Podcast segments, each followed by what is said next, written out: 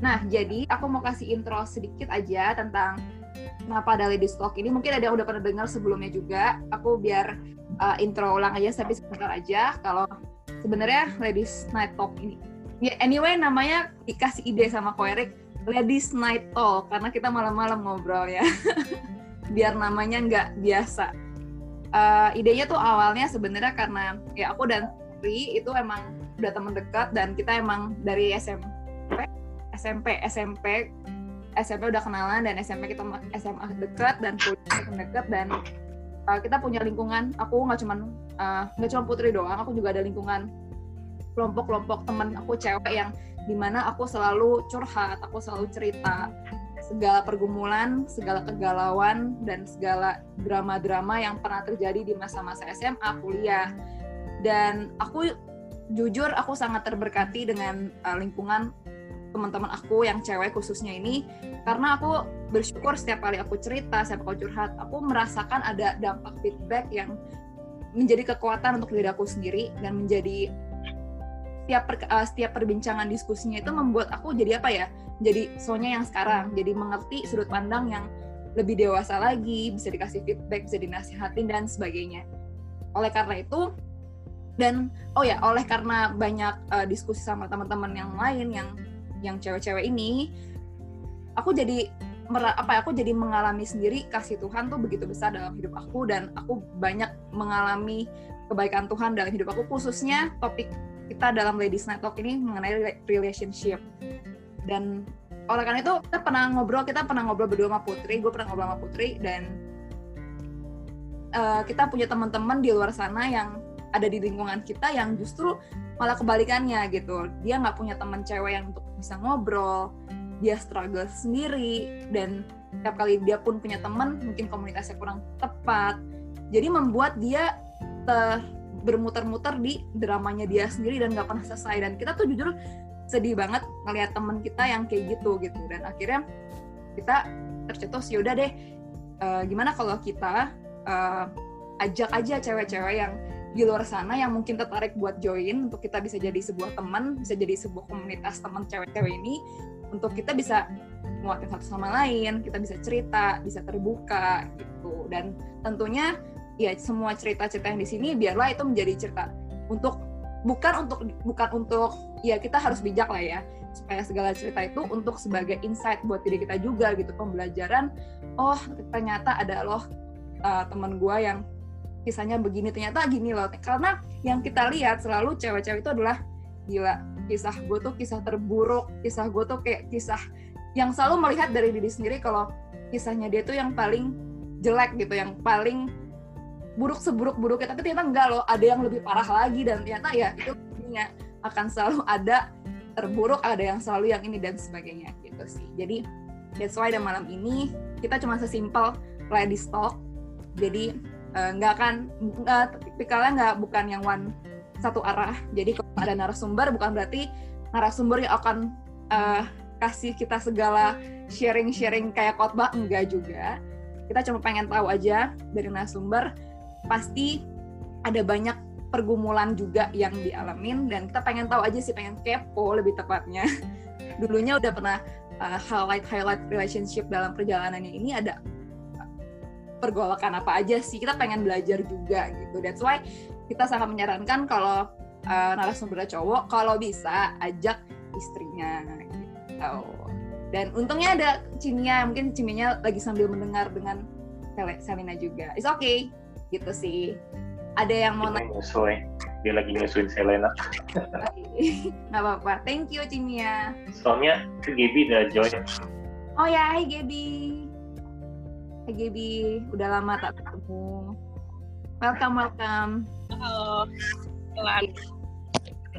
Jadi itu sih kalau misalkan intro mengenai Lady Stock. Nah, sekarang aku bakal um, intro sedikit tentang si Ko Erik Suryadi ini siapa. Sur kenapa dia juga? kenapa Ko Erik Suryadi? Kalau ditanya kenapa, karena jujur guys, cari narasumber itu tidak mudah. Mencari narasumber yang benar tidak? Jujur kan? ya, cari yang cari yang sudah kenal dulu gitu. Jadilah waktu pas Kamis malam minggu lalu nyari-nyari mau putih siapa ya siapa ya? Kira kepikir lah gimana kalau mantan guru kita dulu di SMA ini dulu uh, leadership di IPK Puri gitu. Dia yang membimbing murid-murid untuk memiliki jiwa kepemimpinan yang baik. Cuman dulu pas lagi di SMA belum merit, masih single ya kok ya. Terus udah gitu di tengah perjalanan akhirnya Pak Erik akhirnya mau nikah. Jadi dia lumayan cukup muda di antara semua guru-guru yang ada. Begitu guys. Jadi untuk singkat ceritanya tentang si Ko Erik Suryadi. Oke. Nah, mungkin Ko Erik mau perkenalan dulu usia, nama istri, anak dan sebagainya terjadi. Oke, okay, uh, eh, sebetul sebelumnya thank you udah invite uh, ke tempat ini. Ini sebetulnya pengalaman pengalaman pertama banget gitu untuk bisa join di tengah-tengah ladies. Saya jadi seneng sih soalnya yang paling ganteng di sini. uh, saya saat tahun ini waktu Sonya masih Sonya dan Putri masih kuliah masih sekolah ya. Dulu join IPK masih 23 tahun. Sekarang udah 34 itu tiga tahun? Aku baru tahu. Iya waktu itu join masih 23 tahun. Oh iya mudah banget ya dulu gila juga ya. Gila juga iya. Habis itu masuk kan anak SMA lagi ya. Jadi ya lumayan challenging banget sih waktu itu. Tahun ini udah 34 jadi udah 11 tahun lewat sejak waktu dulu yang udah cepet sekali waktu ini. kemudian saya nikah eh, 2018 jadi usia pernikahan masih 2 tahun dan tahun lalu kita dikasih anak uh, dan sesuai jawaban doa waktu itu saya minta banget punya anak anak cewek dan Tuhan kasih dan bulan depan dia akan satu tahun jadi eh, tanggal 9 bulan depan itu satu tahun. Jadi ya sebentar lagi satu tahun. Saat ini waktu eh, saya lagi aktifnya di IPK head office di bagian SDM ya mungkin itu aja kali kenalan singkatnya. Oke deh thank you Erik. Oke, kita langsung mulai aja kali ya ke perbincangan diskusi kita pada malam hari ini.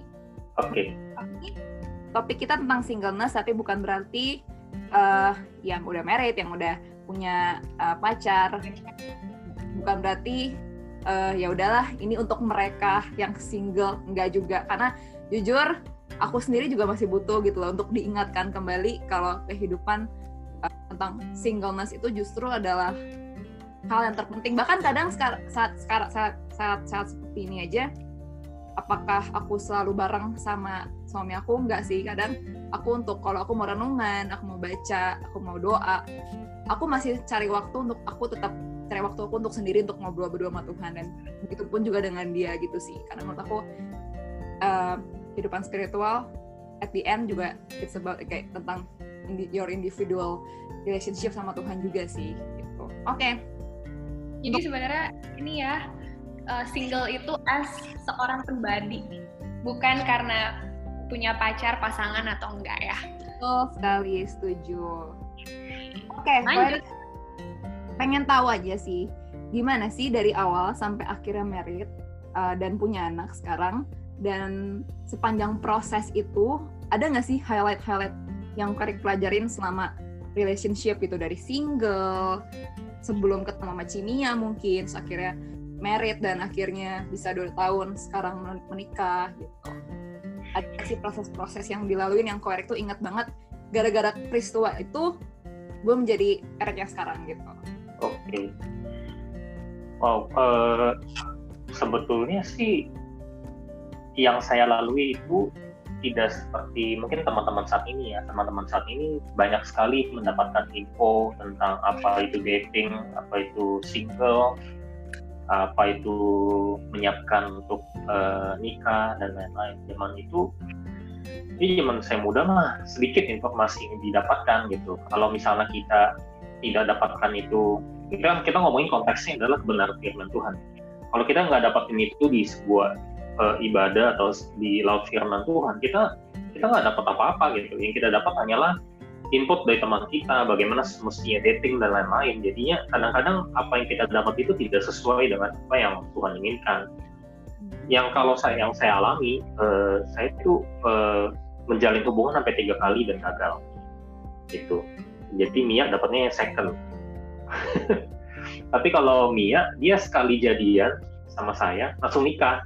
Jadi saya untung. Tapi okay. Jadi uh, tiga kali bangun hubungan dan gagal uh, lebih banyak sebabnya adalah sebab tidak tahu, tidak tahu apa yang mesti dilakukan di dalam membangun hubungan. Ya standar aja kita tahu cuma kayak ya tiap kali mesti calling, zamannya SMS SMS, zamannya BBM BBM, zamannya WhatsApp WhatsApp, sebatas itu aja gitu sebatas yang kita tahu kemudian hangout makan nonton bioskop and then udah kayak gitu aja. Tapi uh, waktu kemudian sama Mia memang waktu itu saya sama Mia usianya udah agak cukup beda jauh ya 8 tahun. Jadi dia nikah sama om-om sih sebetulnya. Jadi uh, ini kalian bayangin lah kalau saya waktu kelas 12 8 tahun berarti dia kelas 4 SD betul kan ya? Nah uh, tapi tantangannya waktu itu adalah ketika kami bangun hubungan waktu itu Mia selesai uh, selesai SMA jadi awal kuliah kemudian kita jadian. Jadi 2013 kita jadian. Kita pacaran 4 tahun gitu. Dan di dalam 4 tahun itu uh, terutama dua tahun pertama ya itu banyak banget konfliknya. Sebab saya nggak tahu apakah mungkin itu memang beda usia sehingga mempengaruhi perspektif kita gitu. Perspektif saya eh, ya waktu itu adalah mempersiapkan pernikahan. Sedangkan bagi I don't know buat kalian ladies lulus SMA masih awal kuliah nggak mungkin dong langsung mikirin nikah gitu kan. Pasti pengen coba kuliah dan menikmati you know teman-teman dan lain-lain lah gitu ya. Sehingga kadang-kala uh, ya gitu titik di situ kita mengalami konflik gitu. Dan sampai suatu kali memang akhirnya kita ketemu jalan tengahnya akhirnya memang kita setelah empat tahun itu memutuskan menikah. Dan yaudah jadi sampai saat ini dua tahun lewat tapi eh, satu hal yang selalu saya pegang. Waktu itu saya masih SMA kemudian eh, guru agama saya pernah mengatakan moto kayak begini. Dia bilang temenan yang lama pacaran sesaat nikah selamanya. Kadang-kala kita temenan itu sesaat, pacaran yang lama, nikahnya sebentar gitu loh. Nikahnya selesai di situ. Tapi kita masih lihat bahwa yang namanya hubungan itu betul-betul butuh waktu. It takes time gitu untuk mendewasakan hubungan itu. Untuk sama kayak buah, itu butuh waktu untuk matang. Kalau buah itu udah men masih mentah belum waktunya dan kita petik, maka ya uh, rasanya itu tidak akan semanis kalau kita menunggu dia sampai matang. Dan mematangkan hubungan itu kalau kalau ini pendapat saya ya, kita butuh di dalam sebuah pertemanan dulu gitu untuk melihat si aslinya kita gitu. Kalau kita di dalam sebuah hubungan, maksudnya contohlah kenalan sebulan and then kita jadian gitu. Masih banyak hal yang kita tidak tahu antara kita dan pasangan kita dan semua kita sama-sama tahu ya awal-awal kita bangun hubungan pasti tingkat toleransi itu sangat tinggi kadang-kadang kita menoleransi hal-hal yang tidak sesuai dengan prinsipnya kita karena kita masih nggak enak gitu loh. Tapi tunggu sampai kalau kita temenan kita kita dapat dapat dengan mudah dapat dengan lebih uh, apa ya lego gimana bahasanya dapat dengan lebih bebas gitu ya. Menunjukkan nilai-nilai kita menunjukkan prinsip hidup kita. Kalau tidak sesuai ya memang nggak bisa masuk gitu. Dan itu yang saya alami sih mungkin kata kuncinya adalah uh, semua hubungan butuh waktu menjadi matang.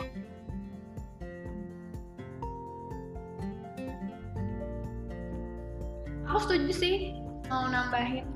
Jadi kalau tadi Farid bilang hubungan itu perlu waktu dan uh, di dalam hubungan itu uh, mungkin kalau misalnya dari pertemanan itu tingkat toleransinya tinggi ya. Tapi lama-lama makin kenal makin kenal makin tahu orangnya kayak apa justru istilahnya yang jelek-jeleknya baru ke expose tuh kalau udah lama. Iya.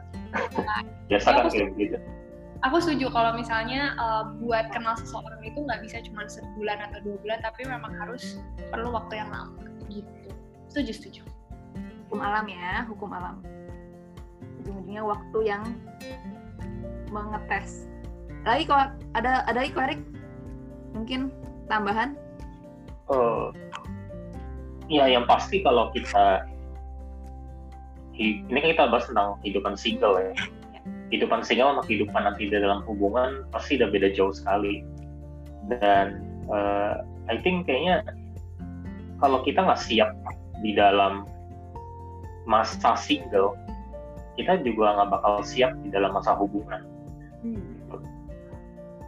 jadi uh, just masa single itu sangat menentukan sekali bagaimana kita nanti masuk dalam musim dating seperti apa kamu waktu single sangat menentukan nanti ketika kita pemahaman kita tentang hubungan di dalam masa-masa kita single punya efek yang menentukan waktu kita menjalani hubungan itu.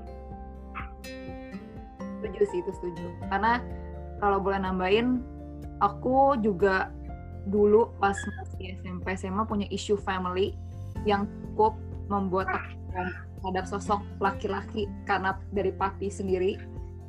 Dan itu cukup apa ya cukup jadi benar-benar trauma milih cowok harus ini harus ini harus ini harus punya. Jadi kayak listnya makin bertambah banyak karena kesalahan yang aku lihat sendiri dari seorang papi aku gitu. Dan itu ngefek banget dan puji Tuhannya puji Tuhannya itu beres sebelum masa-masa ke dating karena kalau enggak aku yakin sih itu akan banyak drama.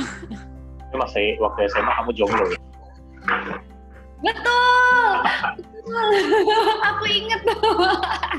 Karena waktu itu ceritanya aku udah janji sama Tuhan. Tuhan. Oh. Abis, abis diputusin, ab, abis cukup drama SMP pacaran, masih bocil banget pacaran dan sangat mengecewakan. Ditambah ada sosok papi yang mengecewakan waktu itu, udah enggak sekarang, udah udah udah pulang ke rumah bapak, udah selesai masalahnya. Nah, ngomong sama Tuhan ke Tuhan, pokoknya aku nggak mau kecewa lagi. Aku mau pacaran nanti ya Tuhan. Pas udah lulus SMA, udah kuliah kalau bisa. Dan kalau bisa langsung nikah. Eh benar, ternyata betul. Oke, okay, thank you Kak Ada lagi nggak mau tambahin kok mengenai? I think Nah, aku kalau ada yang ada yang menarik nih ya. Apa tuh? Tadi uh, Kak Erik bilang ketika kita tidak siap di masa single, nanti pada saat dating juga kita nggak akan siap masuk ke dalam hubungan gitu. Jadi sebenarnya siap mempersiapkan diri dalam masa single tuh kayak apa sih? Hmm. Oke. Okay. Uh, eh, mungkin saya mulai dengan statement. Mungkin teman-teman juga tahu statement. Kan ada yang mengatakan bahwa uh, kalau kita tidak bisa menjadi happy di dalam atau sebagai single kita nggak bisa happy juga di dalam sebuah hubungan gitu hmm. jadi saya setuju bagaimana kita memperlakukan kehidupan kita sewaktu single sedikit banyak itu menentukan bagaimana kehidupan kita saat lagi dalam bangun hubungan apalagi nanti kita menikah nah eh, tapi teman-teman kita juga butuh ingat uh, tidak semua kita akan jadi jauh lebih bahagia ketika di dalam hubungan. Karena banyak yang menyangka bahwa kalau saya punya hubungan atau kalau saya punya pasangan, maka saya akan jauh lebih bahagia ketimbang keadaan saya saat ini. Uh, pada kenyataannya tidak selalu seperti itu. Apalagi kalau salah memilih, malah lebih bahagia yang jadi single ketimbang ya kalau kita ada di dalam sebuah hubungan yang salah gitu ya. Nah, sekali lagi kebahagiaan kita sama sekali tidak ditentukan apakah kita sudah atau belum memiliki pasangan. Kalau ditanya uh, apa sih dampaknya gitu ya, dampak uh, kehidupan single kita kepada kehidupan di dalam hubungan. Ini yang paling simpel aja. Yang paling simpel adalah tentang habit kita. Habit kita ketika single, ada habit-habit yang tidak dapat lagi kita pertahankan ketika di dalam sebuah hubungan. Contoh kalau di single kita kan bebas mau ke mana aja. Kita bebas mau mau melakukan apa aja kita juga fokus kepada uh, kepentingan kita gitu. Di sana uang yang kita gunakan waktu yang kita gunakan. Semua se, se sebebas kita karena kita yang single tapi kalau habit itu kemudian dibawa pada dalam sebuah hubungan pasti menimbulkan konflik ya, contoh lah misalnya kamu punya pasangan kemudian pasanganmu bisa uh, hangout ke mana pun dia suka tanpa dia komunikasikan kepada kamu. Mungkin dia sampai jam 2 pagi kamu chat dia terus kemudian nggak dibalas-balas kemudian dia bilang ya suka-suka gue dong ya. Gue mau pergi ke mana pun. Itu bebas gitu. Nah kalau kita kayak masih kayak begitu habit itu masih kita bawa itu mungkin salah satu tanda sebetulnya kita belum belum cukup oke okay, belum cukup waktu yang tepat untuk berhubungan karena kebiasaan kita ketika single masih kita bawa-bawa sampai kepada dalam hubungan apalagi kalau udah nikah. Pengennya tiba-tiba pasangan kamu nggak ada di sebelah kamu nggak tahu ke mana gitu. Hilang aja gitu. Kan nggak mungkin kita melakukan hal itu. Apalagi sebetulnya kembali kepada mindset ya. Kalau udah sudah di dalam bangun hubungan apalagi sampai menikah mindset kita udah bisa lagi tentang kepentingan kita. Tapi kita udah mesti betul-betul selfless. Contoh paling simple banget kalau kita lagi eh, mungkin dapat makanan by office gitu kan. Kalau kita single kita mau makan habisin aja gitu. Tapi kalau kita uh, udah dalam hubungan kita mesti ingat oh iya ada suami saya nih ada anak saya nih saya bungkus lah saya bawa buat uh, dia makan gitu. Itu habit yang mesti kita ubah bahwa ketika single dan dalam sebuah hubungan itu beda banget. Kalau lagi single kamu mau tanda kutip selfish mementingkan kepentingan kamu pun go ahead. Tapi kalau kamu udah dalam hubungan kamu nggak bisa kamu selfless. Bukan kepentingan kamu lagi tapi kepentingan pasangan kamu. Itu yang butuh kita tahu. Selfless ya thank you kok buat penjelasannya harus selfless nah aku pengen nanya nih ke Ko Erik nih. Ini ke uh, ke Ko Eriknya sendiri juga nih pas selama Ko Erik lagi single emang Koerek mempersiapkan apa aja? Tadi kan tadi kan Koerek kan sempat bilang kan kalau habit-habit yang ada di kehidupan single itu akan menentukan di pas uh, dating gitu. Dan bahkan akan dibawa juga ke kehidupan pernikahan. Emangnya kalau dari Korek sendiri pengalamannya sendiri selama masih single tuh persiapin apa nih kalau dari Korek sendiri? Uh, yang paling simple, yang paling awal adalah mindset kita. Kita mesti mendewasakan mindset kita. Jadi eh, maksudnya gini, hubungan itu selalu ada di dalamnya mesti ada selalu ada tanggung jawab dan kedewasaan adalah maksud saya gini, mengambil tanggung jawab adalah salah, satu tanda kedewasaan. Kalau kita masih mindsetnya anak kecil, kita tidak akan mau mengambil tanggung jawab. Gitu dan hal itu yang butuh kita bangun apalagi sebagai laki-laki. Kata tanggung jawab itu mesti dikenalkan sejak dini gitu. Uh, nanti soalnya kan punya anak cowok tuh.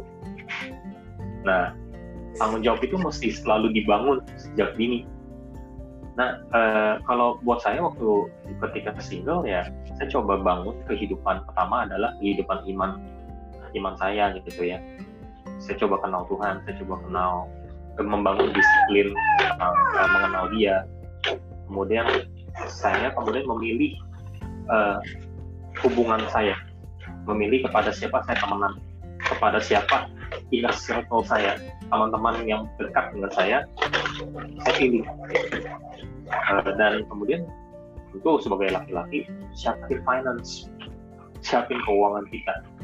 Itu itu penting sekali. Kadang-kadang kita uh, cuek gitu ya.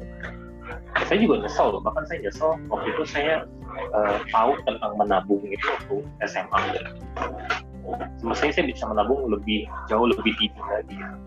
Karena kalau buat teman-teman yang tahu ya semua juga tahu lah ya. Menikah itu mahal gitu. Ya kecuali mungkin nggak tahu. Kalau zaman pandemi ini kayaknya ada untungnya juga sih. Jadi nikah nggak usah mahal-mahal banget. Tapi ya uh, I mean gini jangan jangan kita mengandalkan keuangan orang tua kita. Dan menyangka bahwa uh, orang tua kita lah yang punya tanggung jawab untuk biaya pernikahan kita. Saya rasa itu nggak cukup tepat gitu ya. karena yang menikah kita gitu. kalau yang menikah kita kita butuh mempersiapkan keuangan kita juga khususnya ya laki-laki dalam hal ini jadi itu yang saya coba saya lakukan saya jadi ketika single mencoba untuk membagi keuangan saya ada berapa persen mesti saya save untuk masa depan meskipun saya nggak tahu waktu itu nikahnya kapan pasangan juga belum punya tapi ya coba nabung dulu. Karena satu saat itu pasti akan saya gunakan gitu. Dan puji Tuhannya waktu saya menikah akhirnya ya saya bisa menggunakan uang yang saya simpan untuk menikah meskipun sakit hati. Ya. sekali menikah ya puluhan juta dalam satu malam habis lah gitu ya. Tapi ya waktu itu senangnya adalah uh, ya saya tidak menggunakan atau meminta kepada orang tua saya untuk membiayai semua pernikahan saya gitu. Saya gunakan ya uang saya. Jadi saya rasa itu hal-hal yang penting. Tapi yang paling butuh kita ingat adalah tentang mindset kita. Itu yang butuh kita dewasakan. Waktu sejak kita lagi sejak kita masih single. Nah itu kan dari sudut dari sisi koeri dari cowok lah intinya ya kan ya dari sisi cowok. Nah sekarang berhubung Cimenya juga lagi sibuk tapi aku pengen nanya ke Koerik nih. Apa yang Koerik lihat dari Cimia? Sehingga Koerik bisa mem, bisa mem, wah Cimia ini misalkan oh dia punya habit yang baik nih. Boleh nih gue ajak dating misalkan atau bisa nih kayaknya kalau misalkan untuk sampai ke jenjang pernikahan. Emang apa yang Koerik lihat dari habit yang mungkin Cimia punya selama ini gitu? Oke habit yang Mia punya ya. Karena mumpung dia di sebelah saya sih. Oh gitu. Nah, boleh tuh Mia boleh sedikit berbincang-bincang. Oh kamu yang jawab. Katanya jangan aku aja jawab. Uh, habitnya waktu itu adalah biasanya gini waktu saya mulai dekat uh, kita kalau kita sebut istilah dating kadang-kadang kita menyangka dating itu kalau kita ada official jadian kemudian kita hang out gitu ya tapi kalau di kita kalau di US atau budaya barat sana dating itu adalah kalau kita janjian pergi berdua. Jadi kadang-kala ya statusnya belum jadian. Nah uh, kita zaman kita kan kita kenal istilah PDKT itulah ya bahasa gampang. Nah ketika PDKT kata kunci adalah banyak tanya. Banyak tanya. Jangan cuma sekedar nonton bioskop tapi lagi makan mesti banyak tanya.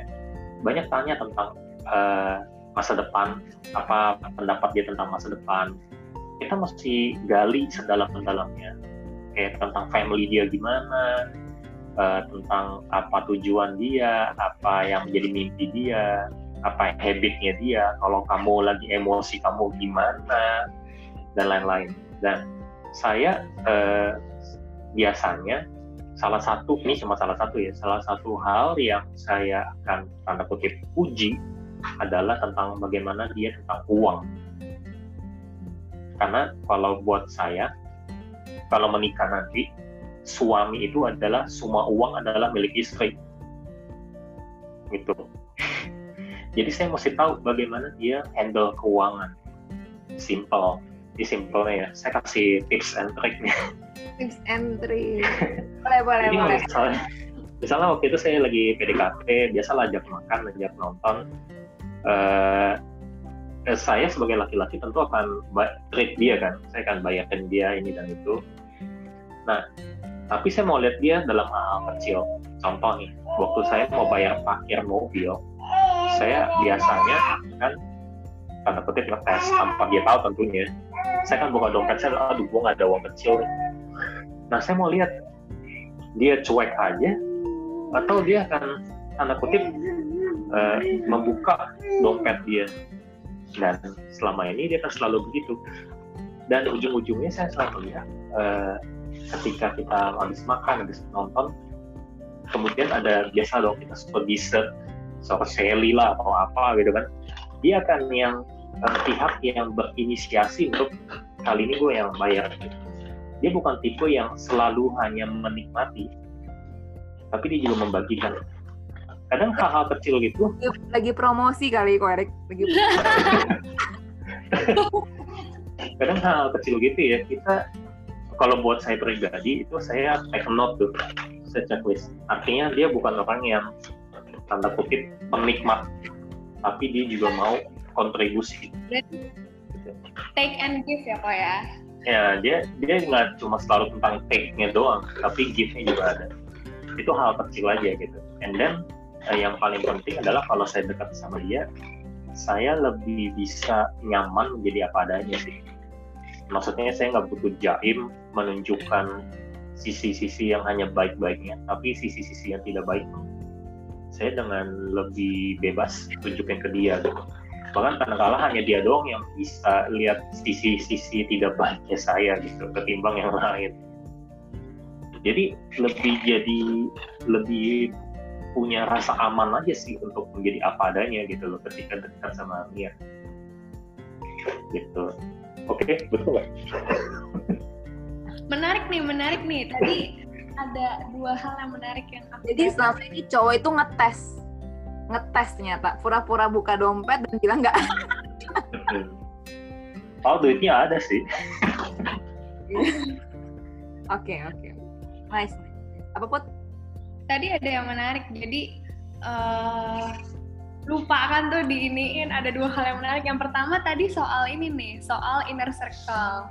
Jadi yeah. kok ada mention pilih teman gitu kan padahal sering banget kita diajarin kan kita tuh nggak boleh pilih-pilih teman apa segala macam tapi aku setuju sih kalau misalnya untuk menjadikan sahabat-sahabat uh, atau teman-teman yang jadi inner circle kita itu kita harus pilih ya bukan dalam artian kita milih-milih orang tapi uh, kita menurut aku kita harus bijaksana untuk memilih teman-teman yang mana yang bisa membangun kita gitu ya. Jadi jangan sampai eh, orang-orang yang ada di inner circle kita itu justru yang bisa membawa kita uh, jadi orang yang tidak baik atau mungkin bisa menjatuhkan gitu. Jadi aku setuju soal inner circle.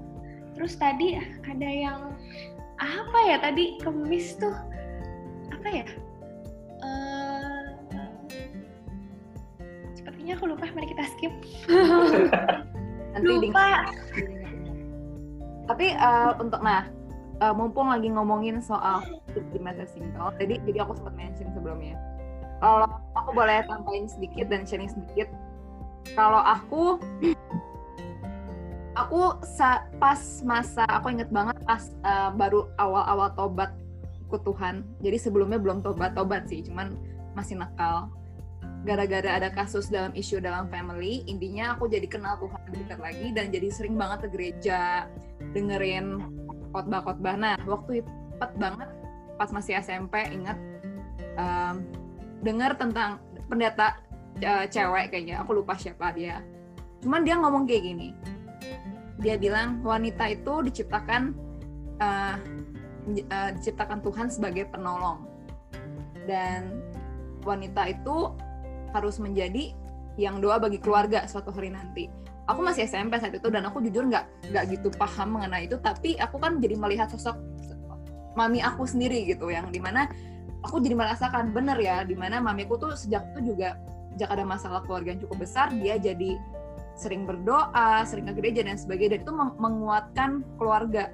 Jakarta itu aku punya pemikiran kayak wanita itu emang akan menjadi tiang doa dalam keluarga. Harus berarti aku mikir harus segala macam nah saat itu juga karena lagi berapi-api aku membiasakan ini sih kepikiran untuk aku pengen gali tentang firman Tuhan dan kenal Tuhan gimana caranya dan akhirnya aku baca buku.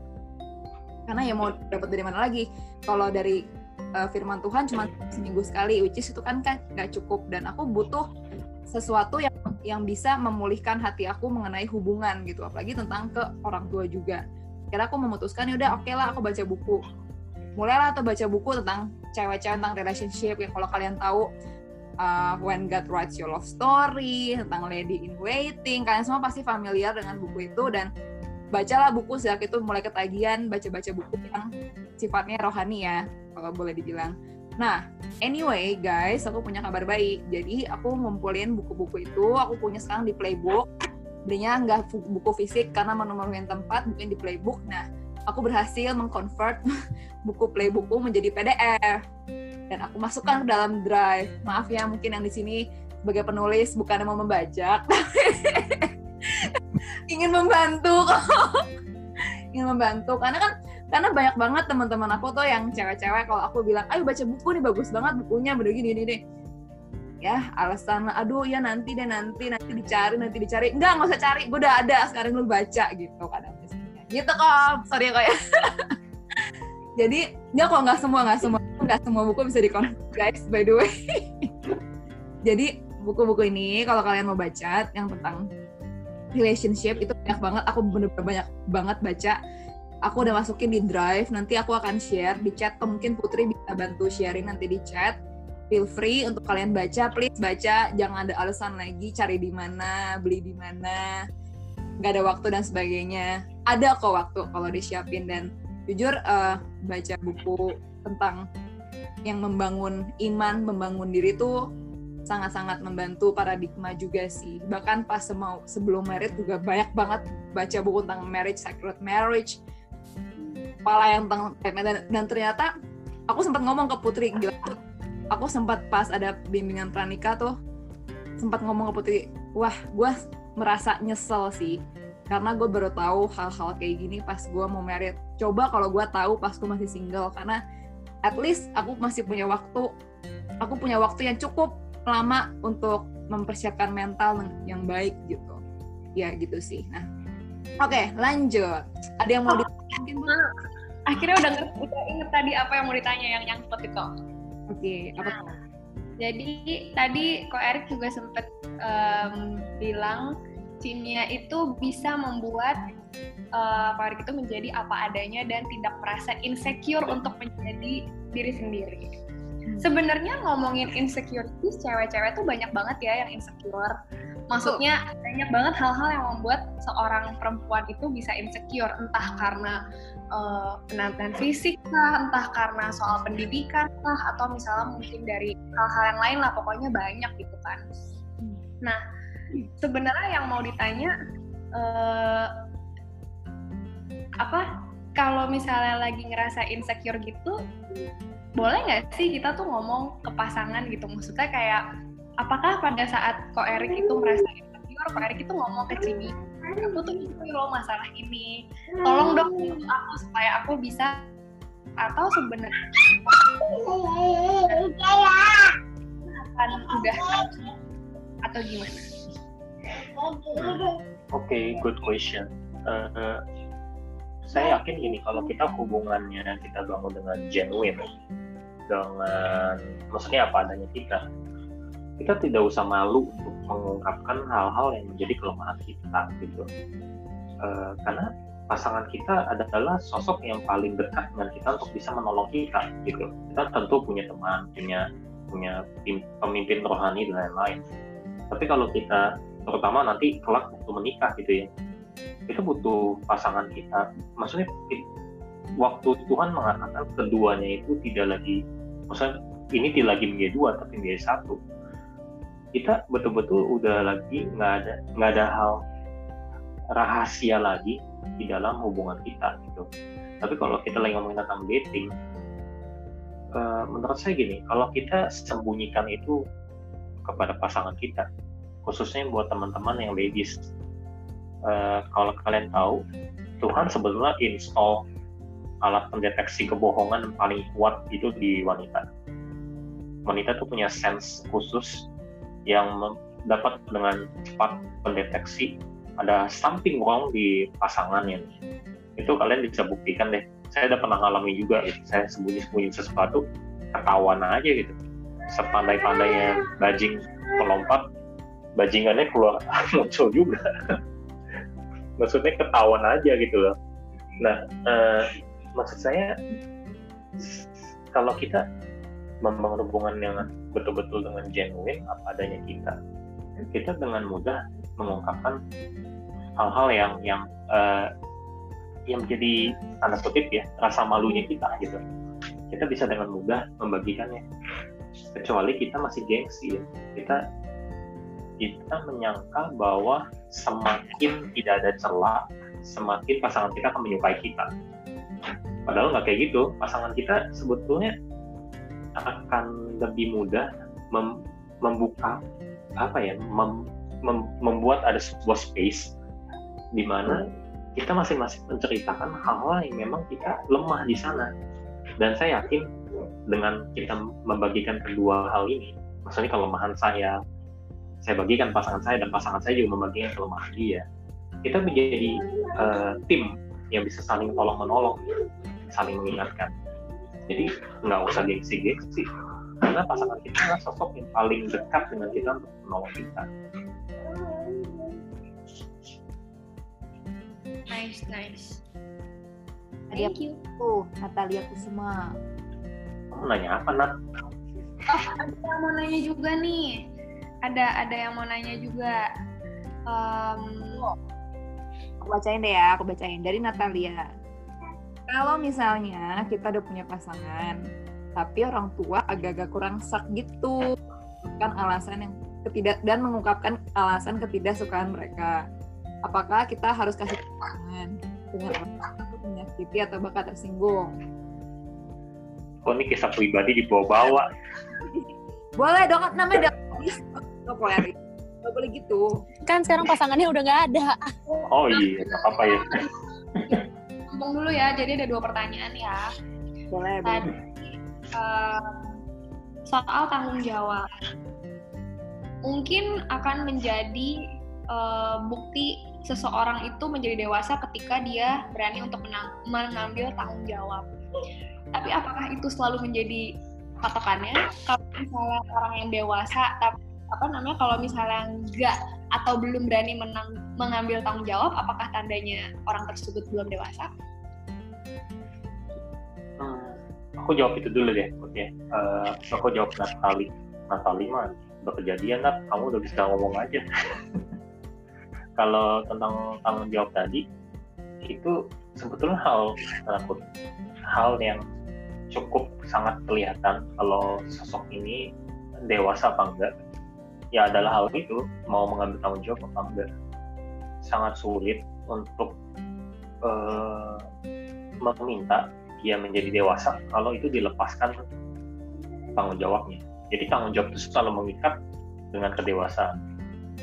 Kalau dia nggak mau ambil tanggung jawab ya sedikit banyak menunjukkan dia emang belum cukup dewasa untuk untuk dalam hubungan gitu. Karena semua hubungan selalu punya tanggung jawab.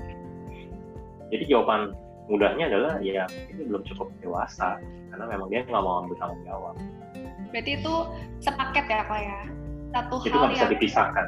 dipisahkan ya. Jadi ketika seseorang dewasa itu pasti akan berani untuk mengambil tanggung jawab apa pun itu ya bukan cuma di hubungan doang ya. Iya. Oke kemudian jawab Natalia. Hmm. Ini Eh, general aja loh, jangan mengkerucutkan ke satu subjek ya, tolong ya. oh, sampai langsung membahas pengalaman masa lalu banyak kok yang mengalami banyak Biar nggak kejadian Oh. lagi kok. Iya iya, dia banyak yang ngalamin sih. Anyway, saya selalu punya pengalaman ini eh, sebelum sama Mia ya. Jadi eh, itu kayak cici sekolah minggunya Natali juga lagi aduh. Jadi waktu dulu eh, saya punya saya istilahnya saya bangun hubungan udah cukup lama udah mau setahun nih kalau nggak salah. Kemudian eh, dan tentu saya mesti saya yakin yang baik itu kalau kita bangun hubungan orang tua kita masih tahu gitu loh. Jadi ya tentulah eh, saya bawa dia ke orang tua saya dan lain-lain. Saya juga dibawa ke orang tua dia kenalan dan lain-lain. Tapi along the way eh, saya menceritakan masalah yang dialami oleh pasangan saya kepada orang tua saya khususnya masalah finansial nah waktu itu orang tua saya sempat mulai kelihatan tidak begitu setuju kalau kita melanjutkan hubungan. Tapi dia kasih satu satu apa ya satu pendapat sih satu pendapat dia mengatakan bahwa kalau kita di dalam hubungan masing-masing punya masalah. Tapi ketika kita menikah masalah kita juga akan menikah. Nggak? Maksudnya masalah kita akan ngumpul juga. Masalah dia akan menjadi masalah kita. Masalah saya akan menjadi masalah dia menjadi satu. Nah, dia tanya, apakah kamu bisa handle masalah itu? Nah, kemudian waktu saya berpikir tentang hal itu, saya rasa sangat sulit untuk menghandle karena masalah tidak hanya mas sekedar masalah financial tapi masalah family sangat sangat sangat complicated sekali dan uh, kemudian kita nggak bisa ngomong oh mencinta itu kan menerima apa adanya satu sisi memang betul tapi pernikahan adalah pilihan gitu kalau kamu memang bisa memilih untuk bisa menerima semua paketnya itu dengan lengkap, ya go ahead, silakan. Tapi waktu itu saya menyadari bahwa saya tidak akan bisa sanggup handle sepaket masalahnya itu datang dalam hidup saya. Akan lebih baik saya memutuskan mengatakan tidak, ketimbang saya mengatakan iya, kemudian di dalam pernikahan saya baik-baik. Kayak gitu saya nggak kuat.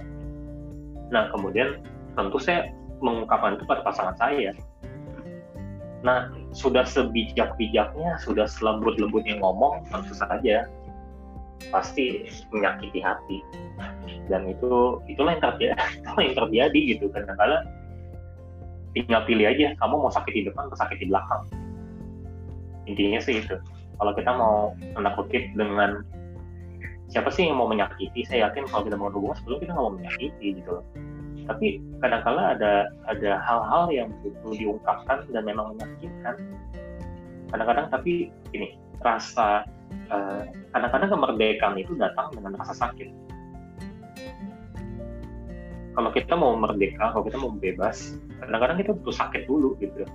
Tapi dampaknya akan jauh lebih menyenangkan di belakang ketimbang kita menyembunyikan menjaga perasaan dia sampai akhirnya let's say lah kamu setahun dua tahun kamu mempertahankannya menyembunyikan ini dari pasangan kamu and then di belakangnya batal juga gitu akan jauh lebih sakit.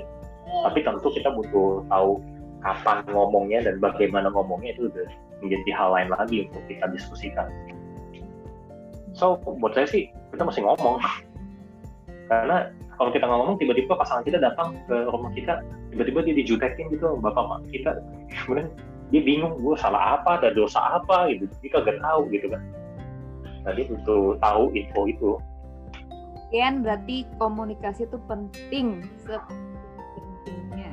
Iya. Benar betul. Dan uh, benar juga sih setuju. Jadi ketika dua orang akan menikah itu bukan soal cowok dan cewek bersatu tapi masalahnya juga kedua family akan bersatu, culture-nya akan bersatu semuanya. Jadi nggak bisa cuma mikirin antara dia dan saya aja. Tuh, nah ada pertanyaan nih kok. Gila, minggu ini seru ya banyak pertanyaan ya. Semoga bisa jawab nih, susah-susah nih nanya. Nah, pas, pas lagi single nih, boleh nggak sih sebenarnya kita tuh bikin list pasangan mau kayak gimana? Dan apa yang benar mestinya nggak boleh bikin list tapi kita tuh berserah aja sama Tuhan karena Tuhan pasti kasih yang terbaik gitu. siapa yang bikin list? Waktu itu kita pernah nanya sih waktu minggu lalu siapa aja yang bikin list? Semua pasti bikin list harus ini harus ini harus ini ada ada rankingnya yang pertama yang paling penting kedua yang gak gitu penting makin menurun menurun menurun. Tapi banyak gitu listnya boleh nggak? Sebenarnya tadi kita juga bisa dibilang kita bikin list loh karena karakter apa sih pasangan idaman menurut kita? Kan tadi ada yang bertanggung jawab harus sabar dewasa cinta Tuhan dan sebagainya. Betul. tapi kayaknya uh, soal list pasangan menurut gue setiap orang nggak cewek nggak cowok pasti akan punya list sendiri ya gitu. Dari dari karakter seperti apa sisi seperti apa mungkin sampai ke tinggi badan bentuk muka bentuk rambut style kayak gitu juga mungkin bakalan ada ya. Ya ada sih. Karena kalau enggak kejadiannya ya maksudnya gini kita pasti sebagai uh, apalagi kita cewek kita mau dong punya cowok yang yang sepadan seimbang dan sepadan. Kalau misalnya hmm. nggak ada list nggak tahu sih. Kalau nggak ada kita nggak ada kriteria-kriteria tentu karakternya gitu. Misalkan tuh orang emang seimbang dan sepadan kata sih itu karena jujur aku tip aku kubu kalau ada kubu kalau ada, boleh ngomong kubu aku kubu uh, orang yang nggak setuju sama istilah love at first sight. Siapa yang setuju? Itu kan itu pendapat orang masing-masing itu subjektif ya. Cuman kalau dari aku sendiri karena aku yang ngalamin begitu. Tapi ada juga orang yang seperti itu. Tapi jadi ya nggak salah juga. Cuman karena menurut aku love itu harus dibuild bukan? Karena kalau lu jatuh love at first sight lu kayak ya lu fall fall in love. Lu jatuh bukan? Mestinya lu harus nge-build the love gitu loh harus itu kalau aku so far sih so good sih far so good mengenai single. Mungkin dari Putih tadi dapat poinnya ada apa aja. Nanti kita akan share ya anyway uh, semua. Kita akan uh, bagiin. Nanti boleh tolong dikasih di chat boleh tolong dikasih nanti di akhir aja. Tolong dikasih apa mention mentionnya eh mention mentionnya ID ID kalian. Supaya Ya, betul. kita bisa uh, kita bisa keep in touch Yang terakhir itu kan kamu nanya di saat kita single boleh nggak kita bikin list, betul nggak? Terus ya, apakah mes- apakah seharusnya kita berserah aja sama Tuhan karena Tuhan pasti kasih yang terbaik. Oke, eh, sorry. Ah, kalau kita lagi single, kalau menurut saya ya, eh, sebetulnya nggak tahu teman-teman setuju apa enggak. Jodoh itu kalau buat saya, jodoh itu bukan di tangan Tuhan. Mungkin kadang-kadang ada yang setuju nggak? Soalnya gini, kadang-kadang mungkin statement ini agak, waduh, betul nggak nih itu sesat nggak nih? Nah, saya tapi coba kasih kasih kasih apa ya contohnya gitu ya. Kalau jodoh di tangan Tuhan, maksudnya semua jodoh, semua pasangan ini di tangan Tuhan. Sebetulnya hanya butuh satu kesalahan aja, manusia salah memilih satu aja, kemudian akan terjadi kekacauan untuk semua dunia ini. Ya nggak sih? Jadi. Eh, jadi gini, maksudnya jodoh itu sebetulnya Tuhan kasih pada kita. Jodoh itu ada pada pilihan kita.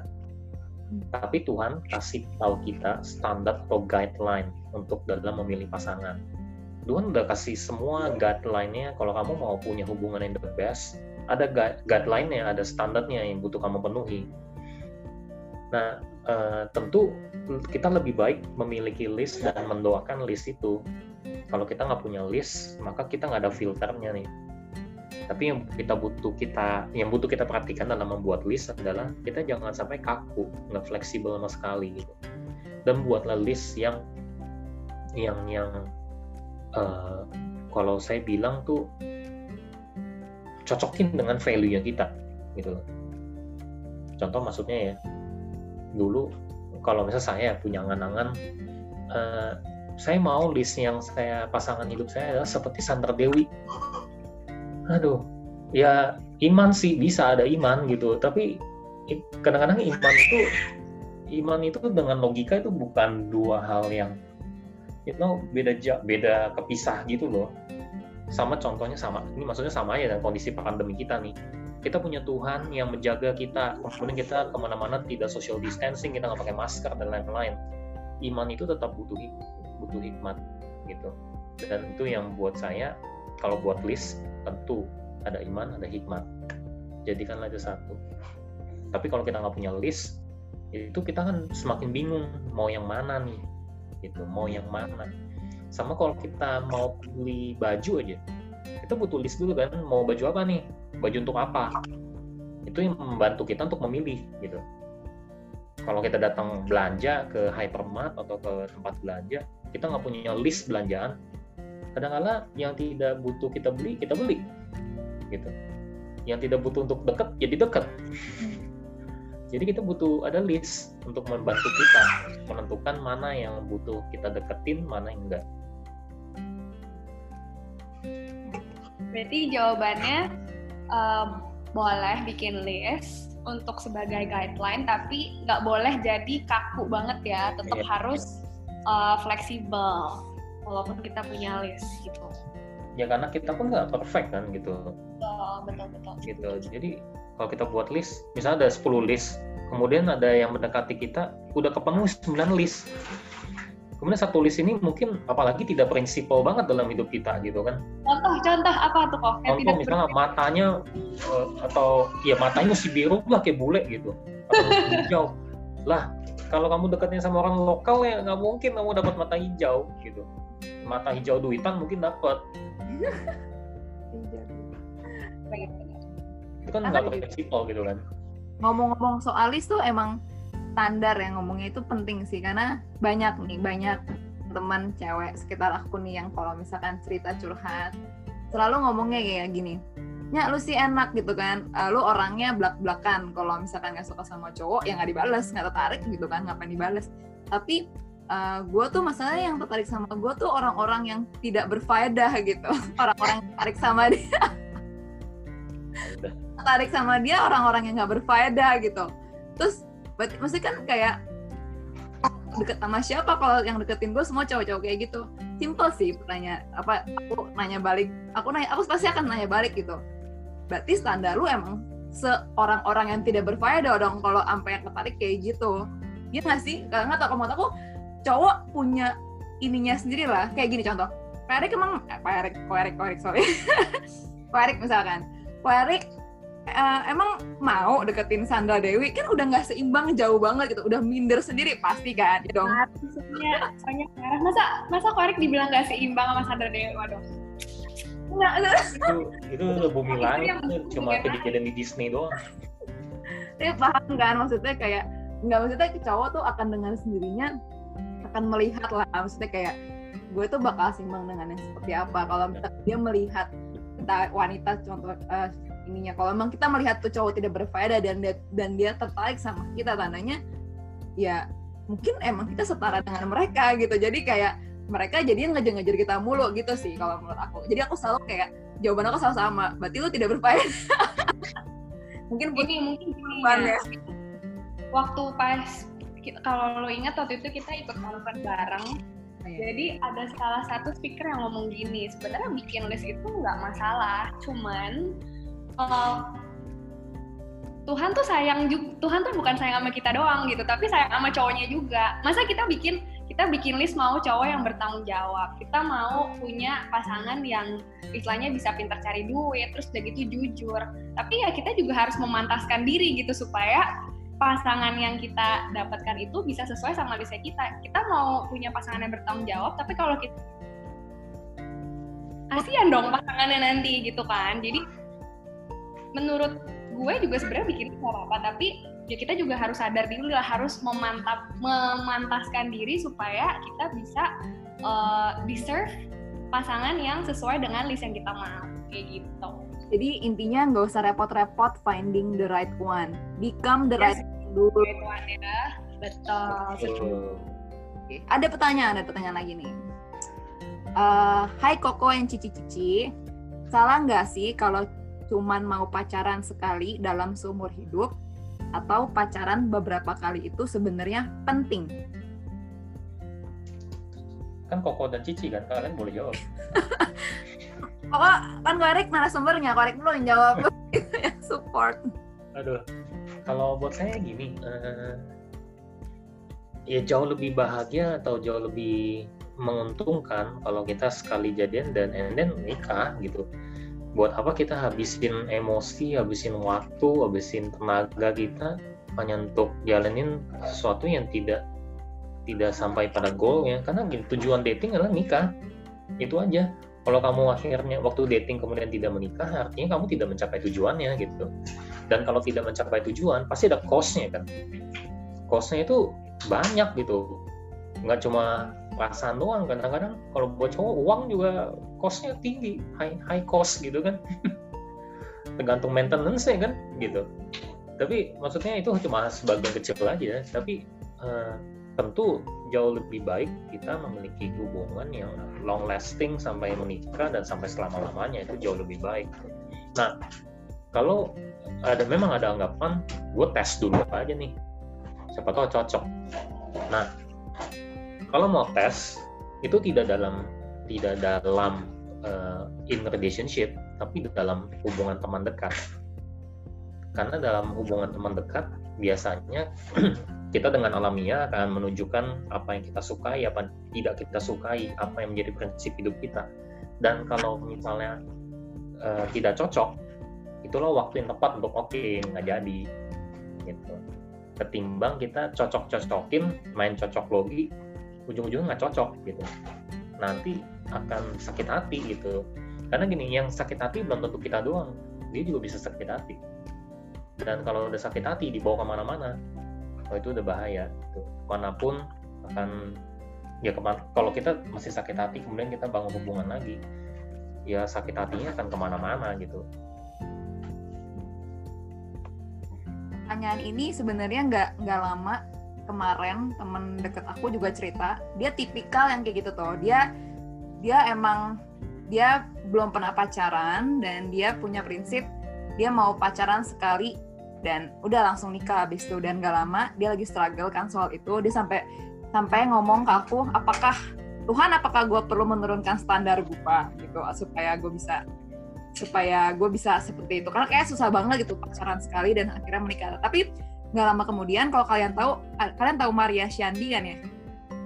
Maria Shandi katanya dia nggak lama ini menikah di usia 31 atau 30 tahun gitu. Dia sih yang cerita aku nggak nggak nggak ngikutin Maria Shandi cuma dia cerita. Nah dan si Maria Shandi ini ngomong di caption tuh di mana gitu kalau cowok suaminya ini yang sekarang adalah cowok apa pacar dia yang pertama kali gitu dan hmm. pernikahan. Nah, si Mon, si teman aku, ups, gak banyak nama, si teman aku, ups, si teman aku ini akhirnya dia uh, iseng-iseng nekat DM si Maria Shandi. Dia bilang thank you untuk jadi uh, kayak inspirasi banget tentang ya pacaran sekali seumur hidup. Dan dia DM uh, eh, kalau boleh nggak share sedikit? Karena aku ya dia cerita lah kalau dia juga hal seperti itu. Apakah aku harus nurunin standarnya kak? Dan sebagainya. Dan dijawab tuh sama Maria Shandi dan Shandi sebenarnya bilang intinya sih uh, dia bilang sih kalau misalkan dalam kalau kita memutuskan seperti itu Tuhan tahu kok isi hati kita dia bilang. Tuhan tahu hati kita sungguh-sungguh untuk hal itu karena emang mungkin ya emang pengennya untuk mau menjaga yang terbaik untuk uh, pasangan kita yang sesungguhnya nanti gitu. Dan Karya sih bilang katanya singkat ceritanya kalau ngomong-ngomong soal apakah perlu pacaran beberapa kali supaya belajar gitu kan dari hubungan sebenarnya nggak harus kita nggak harus nyemplung dulu kan dan masuk ke jurang dulu untuk ngerasain. That's why kita butuh komunitas dia bilang gitu. Kita butuh kita butuh teman-teman cerita kita saling dengar saling sharing. Kita tahu permasalahan dia dan bagaimana dia eh, meresponinya. Jadi dari situ kan dari cerita-cerita itu dia tahu dan dia dan dia merasakan juga, berempati juga gitu dari cerita-cerita itu dan dia belajar. Jadi sebenarnya ya kalau emang mau menjaga ya tetap jaga gitu. Dan Tuhan tahu kok isi hati kita dan bukan berarti kita yang bilangnya pengen pacaran sekali semua hidup kita terlalu tinggi mungkin standarnya enggak juga sih. Mungkin ya ya emang kita mau yang terbaik gitu kita mau menjaga hati kita. Jadi nggak salah sih harusnya. Itu kalau dari aku jangan jagain pasangan hidup orang lain kan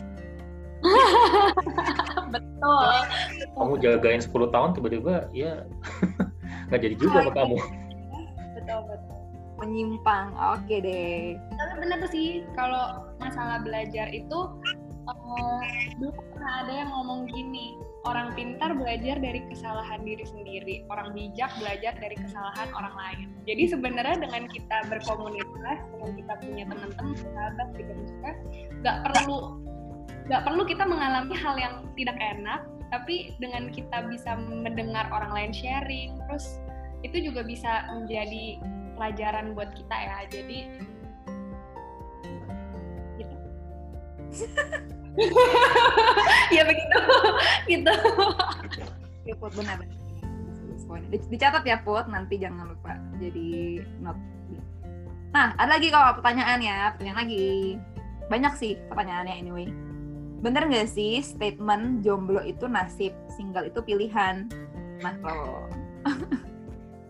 uh, mungkin sebetulnya bukan nasib single emangnya iya jomblo dan single ya sebetulnya mungkin bukan nasib ya. Saya suka bilang kalau yang buat teman-teman yang jomblo itu sebetulnya lagi long distance aja sama pasangannya jauh di masa depan. Jadi masih jauh di masa depan, jadi dia long distance gitu, belum ketemu aja. Kalau dibilang nasib kayaknya kasihan banget gitu. Dan uh, soalnya gini, ada juga hidup, ada yang hidup tidak memiliki pasangan dan itu panggilan, bukan nasib. Dia memang ada panggilan untuk tidak hidup menikah gitu kan. Jadi hmm, ya saya tapi saya yakin jumlah sih nggak banyak gitu kan. Uh, yang butuh yang butuh kita pahami tentu awalnya adalah kita jangan sampai melihat status jomblo itu seolah-olah status kasta paling bawah gitu itu kayak kaum paling hina durjana gitu kan nggak nggak kayak gitu juga gitu. Saya lebih suka melihatnya itu sebagai musim. Nah Alkitab kan bilang untuk segala sesuatu di bawah langit ini ada musimnya. Ini kan di pengkhotbah 3 tuh bilang kayak gitu. Setiap musim selalu punya keindahan masing-masing. Kita nggak bisa menyamakan keindahan musim panas dengan musim dingin. Karena dua-duanya punya keindahan masing-masing. Sama hal dengan kita kita nggak bisa menyamakan keindahan musim single dengan musim dating gitu. Tapi di setiap musim selalu menuntut kita untuk dapat adaptasi. Ini nggak? Setiap musim membutuhkan kita untuk beradaptasi. Ya nah tapi gini yang paling banyak kali kejadian adalah ketika musimnya single kita memaksakan diri kita di musim dating. Demikian sebaliknya udah musimnya untuk dating kelakuan masih kayak single mulu gitu. Jadi kita butuh tahu ini musim apa gitu karena kalau kita tahu ini musim apa kita bisa adaptasi. Kita mesti kayak gimana gitu. Nah tadi kembali kepada jomblo ini. Jomblo itu apa? Nasib single itu pilihan. Kalau buat saya hmm, tadi saya bilang sih itu musim. Akan lebih tepat kalau dibilang itu musim. Ada musim untuk single, ada musim untuk dating, ada musim untuk menikah, ada musim untuk punya anak.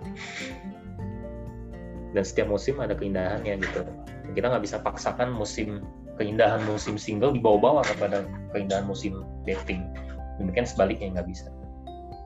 Jadi nikmatin aja, tiap musimnya ada keindahan masing-masing. Nice, nice. Itu kita justru apa ya kita ubah sudut pandang kita kalau itu sebagai musim bukan sebagai suatu kutukan tapi iya. anyway soal single ya.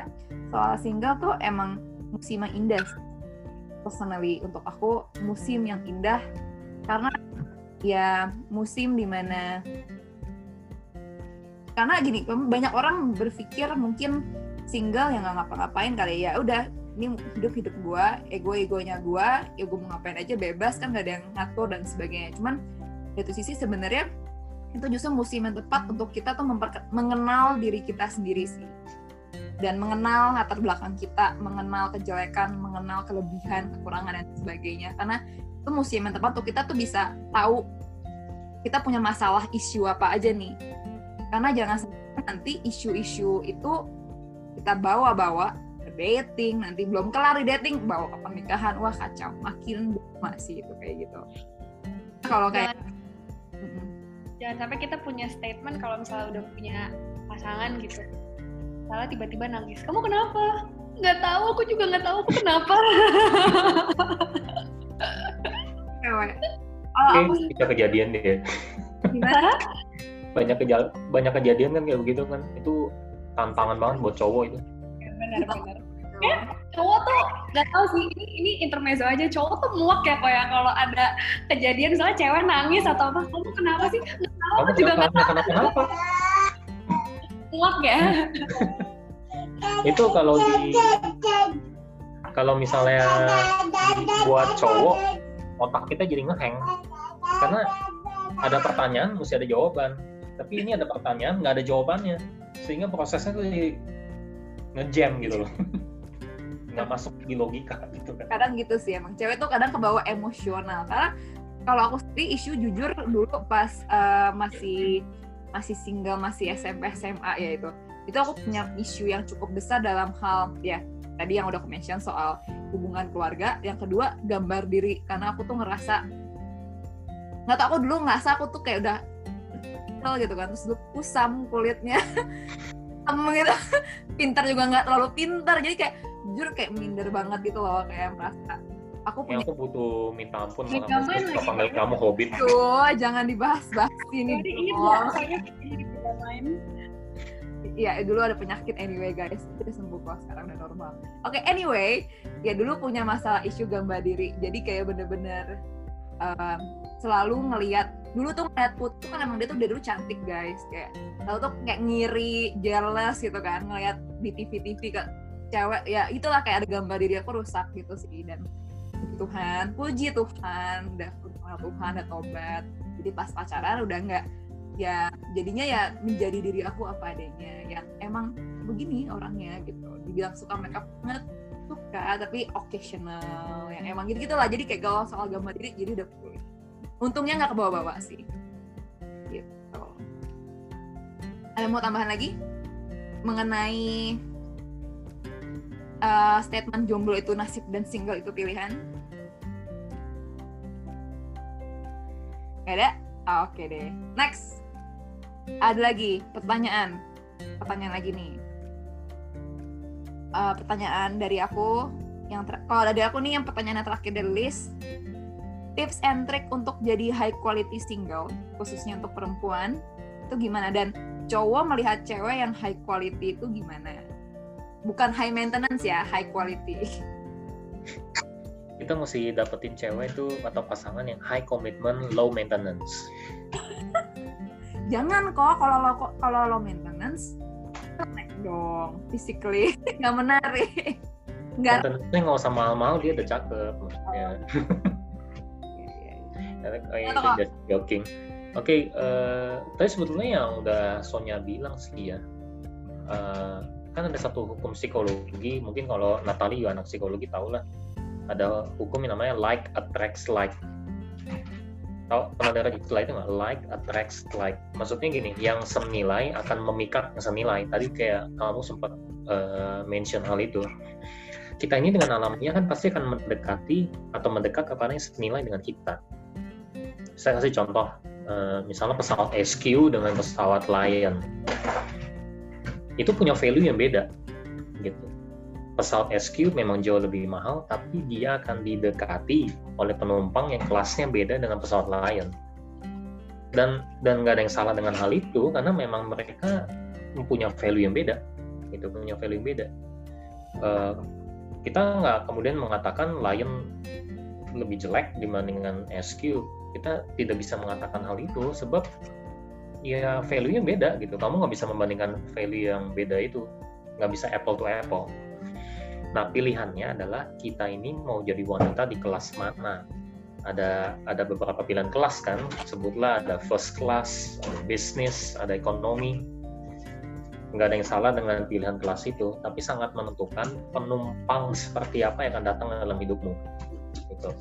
Jadi kalau menurut saya gini, uh, di dalam masa-masa single itu adalah waktu-waktu paling tepat untuk meningkatkan value atau kualitas kepribadian kita and keep shining meskipun situasi atau kehidupan kita saat ini seolah-olah tidak mendukung kita. Saya suka ilustrasi itu sama kayak diamond ya. Diamond ini kalaupun ada di tempat sampah yang dia lakukan, dia hanya karena dia ada di tempat sampah tidak membuat dia menghentikan kilau. Dia tetap aja bercahaya, tetap menampilkan kilau dia. Sampai suatu kali ada ada yang melihat, ada yang notice bahwa dia tidak di tempatnya semestinya dia akan diambil dan ditempatkan di tempatnya semestinya. So uh, buat saya sih itu, buat saya keep adding value, keep improving yourself, uh, dan masa-masa single tuh betul-betul waktu yang paling tepat untuk melakukan hal itu. Nah kalau tadi soalnya sempat tanya uh, apa cowok melihat yang high quality gimana ya? Kalau buat saya sih hmm, banyak banget ya dan dan beda-beda mungkin tiap cowok mungkin beda-beda tapi uh, ada empat hal juga yang saya sempat tulis itu di buku buku saya juga uh, empat hal itu uh, mungkin kita bisa bahasnya kapan-kapan tapi kalau dengan simpelnya adalah biasanya empat hal ini sangat diinginkan seorang cowok atau dia melihat hal ini dalam wanita. Yang pertama adalah wanita yang menunjukkan rasa hormat dia ketimbang menjatuhkan. Nah uh, saya selalu ingat kisah di mana mungkin kamu juga kenal ya Sonya uh, Putri dan Gaby juga kenal Bu IG masih kenal nggak? Tahu. Tahu ya IG dulu guru BK kamu. Nah uh, dia ini pernah satu kali cerita sama saya dan saya sampai saat ini masih selalu ingat uh, suatu kali mobilnya mogok mobilnya mogok dia dengan pasangannya lagi yang yang yang di dalam mobil gitu ya nah mobil yang dia bawa itu mogok Nah, kemudian uh, si Bu ini tahu bagaimana membetulkannya. Tapi dia sengaja memilih untuk tidak melakukannya. Karena apa? Karena di mobil itu tidak hanya mereka berdua, tapi ada teman-teman yang lain. Dia mengizinkan pasangannya untuk melakukannya. Meskipun pasangannya jauh lebih lama membetulkannya, dia sengaja nggak nggak mengambil alih hal itu karena dia memilih untuk menghormati pasangannya di depan teman-temannya. Dia sengaja melakukan hal itu. Buat saya tuh, wow, kamu nggak nggak nggak mengambil alih. Meskipun hal itu mungkin simple banget kan, maksudnya hal kecil aja gitu. Tapi dia membuat supaya pasangan itu tidak jatuh di hadapan teman-teman yang lain. Gitu. Itu hal kecil banget. Jadi kalau dia menunjukkan saya ada saya pernah ketemu soalnya pasangan yang jelek-jelekin ini wanita ya dia jelek-jelekin pasangannya di depan jadi si cewek ini jelek-jelekin cowoknya itu di depan teman-teman yang lain dan wow buat saya tuh uh, saya yakin mental si cowoknya itu dihantam-hantam gitu. Jadi uh, kadangkala kadangkala saya nggak tahu mungkin teman-teman di sini lebih bisa menjelaskan ya. Memang ada wanita yang lebih dominan. Dan isu ini uh, lumayan cukup banyak kejadian ya. Wanita lebih dominan laki-lakinya lebih stabil mungkin. Kemudian dia mengambil alih dalam banyak hal diambil alih keputusan diambil alih uh, keuangan ambil alih segala sesuatu yang bisa diambil alih deh gitu. Kemudian laki-laki atau pasangannya ini terlihat sangat lebih kecil. Sembunyi di bawah keteknya dia lah istilahnya bahasa gampangnya.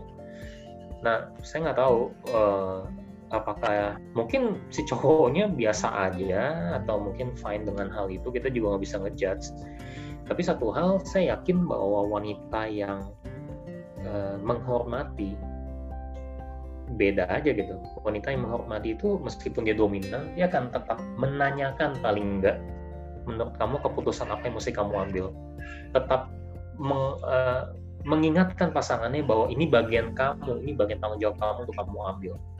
Dan saya yakin itu melawan ego dia, melawan gengsi dia dan lain-lain. Tapi kalau dia melakukan hal itu, buat saya beda banget, wanita yang beda banget.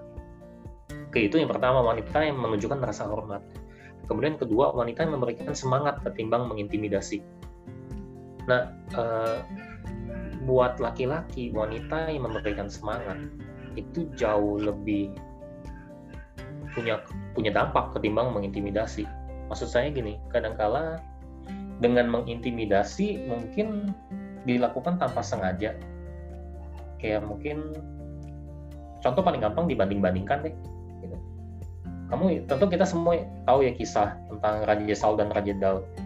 Ketika dibanding-bandingkan, dibandingkan oleh ibu-ibu kan mama di sana banding bandingin dia berdua tapi dampaknya hebat banget gitu nah eh, ketimbang kita membanding bandingkan jauh lebih baik kita memberikan dia semangat itu hal yang sangat dinanti nantikan oleh cowok lah nah yang ketiga wanita yang cantik cantik di sini saya ngomongin tentang inside out maksud saya gini semua kontes kecantikan wanita itu disponsori oleh laki-laki ya nggak sih Miss Indonesia, Miss World, Miss Universe, semua pasti di ketuanya itu cowok gitu.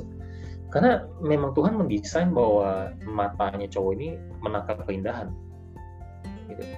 Mau itu di wanita, mau itu di ya di mana pun ya, mau di alam kayak, mau di benda. Kadang-kadang bahkan wanita itu sampai bingung apa yang cantik ya. Dia cowok ngeliat, ngeliat benda gitu kan kayak saya nggak tahu mungkin Sonya bisa jelasin juga tuh kalau kamu punya suami kamu lihat kamera gitu kan. Cantik banget cakep banget gitu hmm, apanya? Yang kamu tahu cuma lihat mahal aja itu nggak boleh beli. Pokoknya gitu kan. Benar-benar mata cowok memang didesain untuk menangkap keindahan. Nah jadi cowok itu sebetulnya dengan cepat bisa menangkap mana yang cantik mana yang enggak. Yang saya ngomongin ini bukan tentang fisik doang tapi tentang apa yang di dalam gitu. Tapi saya yakin eh, karena cowok itu visual gitu sangat visual. Dia menangkap informasi itu dengan visual Jadi selain di dalam hatinya yang butuh cantik, penampilan penampilan luarnya juga butuh kita perhatikan. At least, at least banyak senyum. Wanita yang tersenyum jauh lebih baik ketimbang wanita yang jutek. Itu aja simpelnya kan. Bukan tentang makeup no makeup, tapi tentang kamu lebih banyak senyum atau lebih banyak juteknya. Karena senyuman itu udah pasti the best makeup kan. Quote of the day. Nah, yang keempat, yang terakhir tuh eh, wanita eh, cowok itu demen dengan wanita yang genuine dalam memuji. Cowok itu sebetulnya suka dipuji, suka dipuji. Eh, ada hukum psikologi mengatakan gini, kita akan mengulangi apa yang kita dipuji, gitu. Kalau kita memuji sesuatu, maka kita akan punya kecenderungan untuk mengulanginya lagi. Jadi eh, hal itu menurut saya hal penting dan dan dan hal simpel. Contoh misalnya saya Mamiya ya, dia sampai saat ini bahkan sampai saat saya masih menikah sampai saat ini, kalau saya ajak dia jalan, ajak dia dating, ajak dia nonton, ajak dia makan, dia selalu bilang thank you. Hal kecil, tapi dia tetap keep saying thank you. Dia tidak membuat saya seperti eh, wajib melakukannya, tapi dia menghargai apa yang saya lakukan meskipun hal-hal kecil dia bilang thank you ketika saya betulin WC dia bilang thank you ketika saya buatin susu buat Selena. Hal-hal kecil tentang thank you. Tapi setiap kali dia bilang thank you dia kita cowoknya akan notice bahwa apa yang saya lakukan ini dipandang dilihat. Dan itu buat saya hal yang sangat bagus banget gitu. Dengan alamiahnya saya akan mengulangi atau melakukan hal yang saya lakukan. Karena dia memuji hal itu. Dia notice akan hal itu. So kalau buat saya penutup buat saya uh, buat yang bisa mungkin saya bagiin buat teman-teman uh, satu quote yang saya ambil dari Maya Angelou. Uh, mungkin teman-teman tahu tentang uh, siapa dia. Dia udah meninggal sih. Cuma quote sangat bagus. Dia bilang bahwa a woman's heart atau hatinya wanita should be so hidden in God. Mesti begitu uh, tersembunyi di dalam Tuhan. Sehingga laki-laki itu mesti menemukan Tuhan lebih dahulu menemui Tuhan lebih dahulu untuk menemukan hati wanita itu. Hmm. buat saya wow banget. Sama kayak kita kalau mau dating hadapin bapaknya dulu. Izin dulu sama bapaknya. Jangan datang-datang main ngambil anak ceweknya aja. Kita mesti datang ke bapaknya dulu minta izin sama dia supaya kita mendapatkan permissionnya Wow. Nice. Wow. Tipikal Koerik kalau di akhir selalu pasti ada quote of the day. Biasa di sekolah. Nice. Empat tips yang bagus nanti kita akan uh, share. Uh, nanti Putri bantuin ya untuk dia akhirnya. Wow, ini bagus banget sih semuanya. Koerik, thank you banget untuk setiap jawaban-jawaban yang di kita diskusiin malam hari ini. Um, tadi itu bukan bukan buat ini doang ya, bukan buat uh, para perempuan yang masih single, tapi maksudnya even though udah punya pacar, udah punya pasangan, tapi kayak banyak banget uh, insight-insight yang bisa menguatkan secara pribadi ya. Thank you Ko Erik ya sama Cimia juga. Erik. Tadi uh, sempat dimention juga soal apa ya mengenai nanti kehidupan dating. Tenang aja, kita bakal ada topik itu untuk semuanya nanti kita akan arrange waktunya kita akan kasih announce lagi kapan akan uh, masuk ke arah ke ranah sana oke okay? jadi stay tune nah kalau boleh sebelum kelup, pada kelupaan dan sebelum pada live semua boleh tolong uh, masukin Instagram ya. sini nanti kita nanti bisa uh, bantu follow up, bisa bantu kasih notes juga lewat DM dan sebagainya. Kalau tidak keberatan. Betul betul. Yang udah pernah kasih di minggu lalu nggak apa-apa nggak nggak usah dikasih juga nggak apa-apa. Nanti kita bisa take notes yang ikut hari ini. Anyway tadi bagus satu men apa satu apa tips yang dari Ko Erik intinya kalau cowok itu boleh ini sempat dimention di Ko Andi di pertemuan yang pertama. Cowok itu boleh ambil fungsinya sementara tapi jangan curi tahtanya setuju. Boleh ambil fungsinya tapi jangan sementara aja tapi jangan jangan curi tahtanya betul betul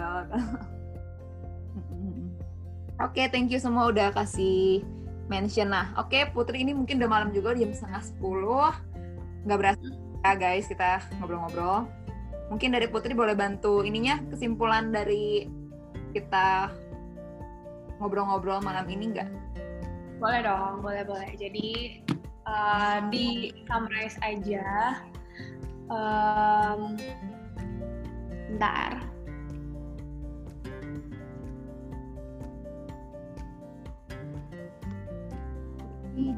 Nah, jadi um, tadi di awal tuh sempat uh, share, jadi Ko tuh sempat share uh, sejauh in sejauh menjalani sebuah hubungan kan pernah gagal gitu kan, dan itu sebenarnya penyebab utamanya karena tidak mengetahui bagaimana menjalani hubungan itu sendiri gitu. Jadi mungkin dulu taunya cuma sekedar having fun makan bareng, jalan bareng gitu kan. Terus udah gitu yang menjadi tantangan adalah pada saat masuk ke sebuah hubungan yang lebih serius itu adanya perbedaan perspektif entah dari perbedaan usia, dari gender juga pasti kan punya perspektif masing-masing. Nah, terus udah gitu hubungan itu perlu waktu.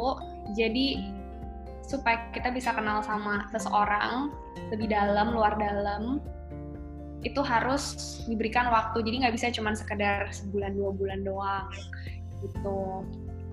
Terus uh, Nah, masa-masa dalam single ini adalah masa-masa yang sebenarnya menentukan bagaimana kita sebagai seorang pribadi nantinya di dalam menjalani suatu hubungan. Ada value-value apa aja yang nanti mau dibawa uh, ke dalam suatu hubungan, yaitu ditentuinnya pada saat kita lagi single. Jadi pada saat melewati musim single itu, sebisa mungkin kita harus develop uh, skill-skill baru, terus udah gitu harus bisa improve uh, diri kita sendiri seperti apa, karakternya seperti apa, terus selalu memperkaya diri sendiri lah supaya bisa nanti pada saat masuk ke musim dating kita udah lebih siap. Terus persiapannya bukan cuman sekedar persiapan uh, persiapan karakter doang, tapi mindset juga ada, persiapan iman, terus persiapan uh, financial juga, jadi nanti pada saat kita udah memasuki suatu hubungan tuh udah gak kaget. Gitu. Boleh bikin list atau enggak? Boleh, tapi uh, tetap harus fleksibel ngikutin list yang ada karena list itu sebagai panduan.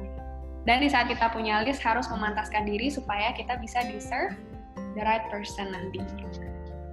Gitu. Dari Sonya mungkin mau nambahin?